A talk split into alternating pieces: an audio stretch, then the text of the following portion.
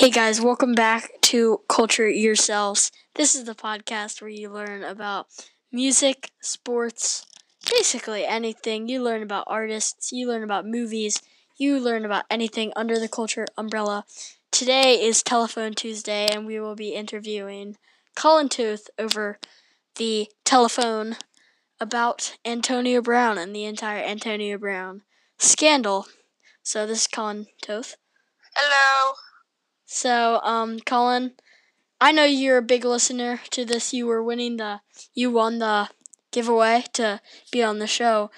Um, just tell us about the beginning of this whole Antonio Brown scandal. So this all started a few seasons ago. It was a crucial third down and 20 play against the Baltimore Ravens. Big Ben compl- would have had a first down and he missed Antonio Brown and they didn't get the first down. And Antonio Brown went off on the sidelines, and this only grew. Um, last year, towards the end of practice, Big Ben would not throw to Antonio Brown, and Antonio Brown during one practice just was enough with it, and he got up and left the practice.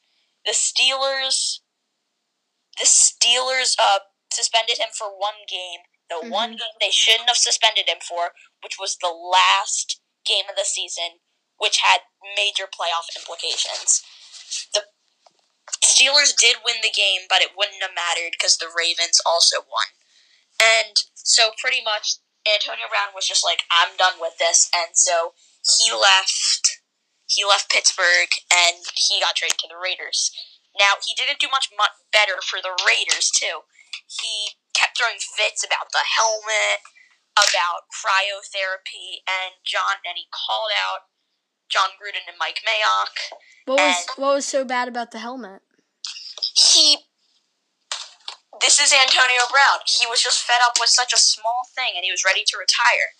So after he got released, he signed with the Patriots just hours later. He played one single game for the Patriots, made about $150,000, and after sexual assault claims, the Patriots were done and the Patriots released him, and now he's a free agent. He said that he's done playing in the NFL, and he went back to finish classes at Central Michigan. Very interesting. Very interesting. Do you think he'll ever come back? I don't think he will. He recently went to the NFL requesting $61 million in lost salary from the Raiders and Patriots. And I think he's doing this because he's done in the NFL. If he was going to sign with another team, I don't think he would have. But I, because of this, I don't think he's going to come back to the NFL. Do you think how many practices did Antonio go with the Raiders? With the Raiders, he was he got traded there in March, and practice didn't start till July. So I'll say maybe thirty-five. Okay, he because I know at the end of the season he really stopped going to practices. Yep.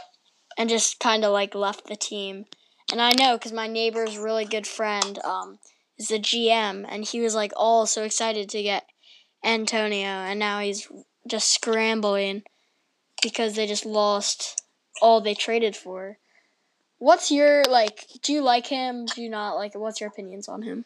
I don't like him. One of the sexual assault claims may have been false, but one thing that is definitely not false was the threatening text messages he sent to his accuser. So I don't think he's a great guy. He could he even with the Raiders, he was still making a lot a lot of money, and he just I think I think he did all this because he wanted more money and he wanted to play for a Super Bowl winning team, and he could have literally he could have made forty million dollars this year. He could have went to the playoffs, but instead he said that's not enough. Threw a fit on the Raiders, threw a fit on the Patriots, and he paid the big price for it.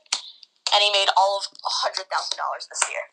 Now, do you think this is hurting the Raiders, or do you think it's helping the Raiders? Do you think that him on the Raiders, even though he's such a great player, that wouldn't have worked out, or do you think it would have worked out? I think him leaving the Raiders, I think it helps them, but it also hurts them. Okay. Getting rid of Antonio Brown, in my opinion, is the best thing that ever happened to the Raiders. Now, I think trading for him was a big mistake because they gave up a lot for Antonio Brown, and they're just and they just released him. I I think dumping him was a very great decision, but trading him for him was a general mistake. And I can just imagine what the Pittsburgh management, they're just laughing right now. they traded him at the perfect time. And do you think that uh, do you think that the Steelers are going to be a better team now? I don't think they're going to be a better team. I don't I'm not in love with their roster right now. The way they handled the Le'Veon Bell holdout was not very smart, and now their franchise quarterback is down for the year. I think they're going to be as good as they would have with him, but I don't think they're going to be very good. Tell us about the whole Le'Veon Bell situation. Le'Veon, it Le'Veon's pretty simple. He wanted a whole. So if you followed the Melvin Gordon holdout, the Melvin Gordon and Ezekiel Elliott's holdouts, they just wanted new extensions. Le'Veon, he was kind of done with Pittsburgh, but he didn't throw a whole fit like um, Antonio did. He just held out, which wasn't the smartest thing, but he just held out so he could stay healthy for a new team. And he tried to extend with the Steelers, but he didn't. So it's pretty simple, and it wasn't as bad a holdout as Antonio Brown was. Okay, so right now, what are the two Super Bowl teams? I know you're not ready, but we'll do another video full like full predictions. But right now, two Super Bowl teams.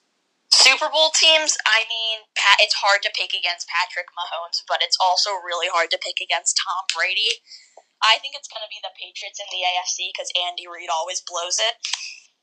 And then in the NFC, it's honestly anybody's game. I mean, San Francisco is the only undefeated team in the NFC, but I think they're not going to be very good.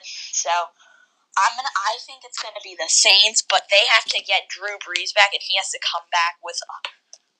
Well, he has to come Full back potential. really good. Yeah, because well, it's really interesting in football. It's different than basketball. Basketball, there's not too many upsets because it's best of seven.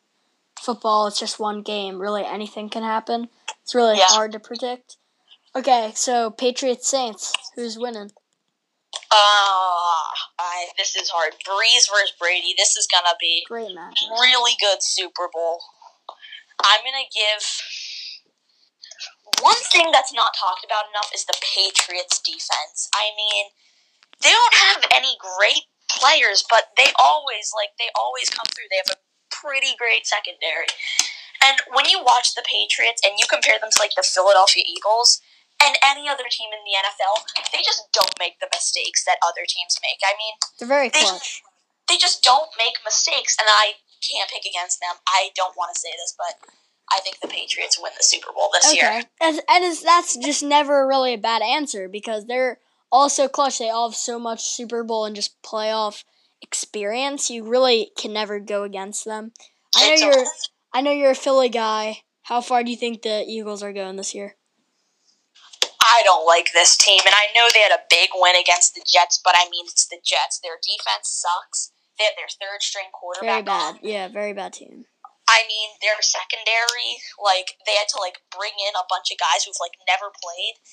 And Carson Wentz, I feel like he's gonna get hurt again if he keeps diving head first for one extra yard. I think Carson Wentz will go down with a concussion in like week eleven, and I think we're gonna go like seven and nine. I don't really like us this year. So no no playoff performance. No playoffs, and I, I, it hurts me to say this, but I really like the Cowboys' chances this year. Okay, yeah, they've gonna- they've had a great start. I love Ezekiel Elliott, and I know I can't say this. I love Amari Cooper. I love Dak Prescott. I think they're great players. I don't think they're going to be in the Super Bowl, but I think they're going to be close. Okay, well, thank you for your time today. Yep, anytime. All right, bye. Bye. Well, guys, that was Colin Tiff. That was his opinions on the NFL and the Antonio Brown scandal. And uh, I'll see you next episode. See ya.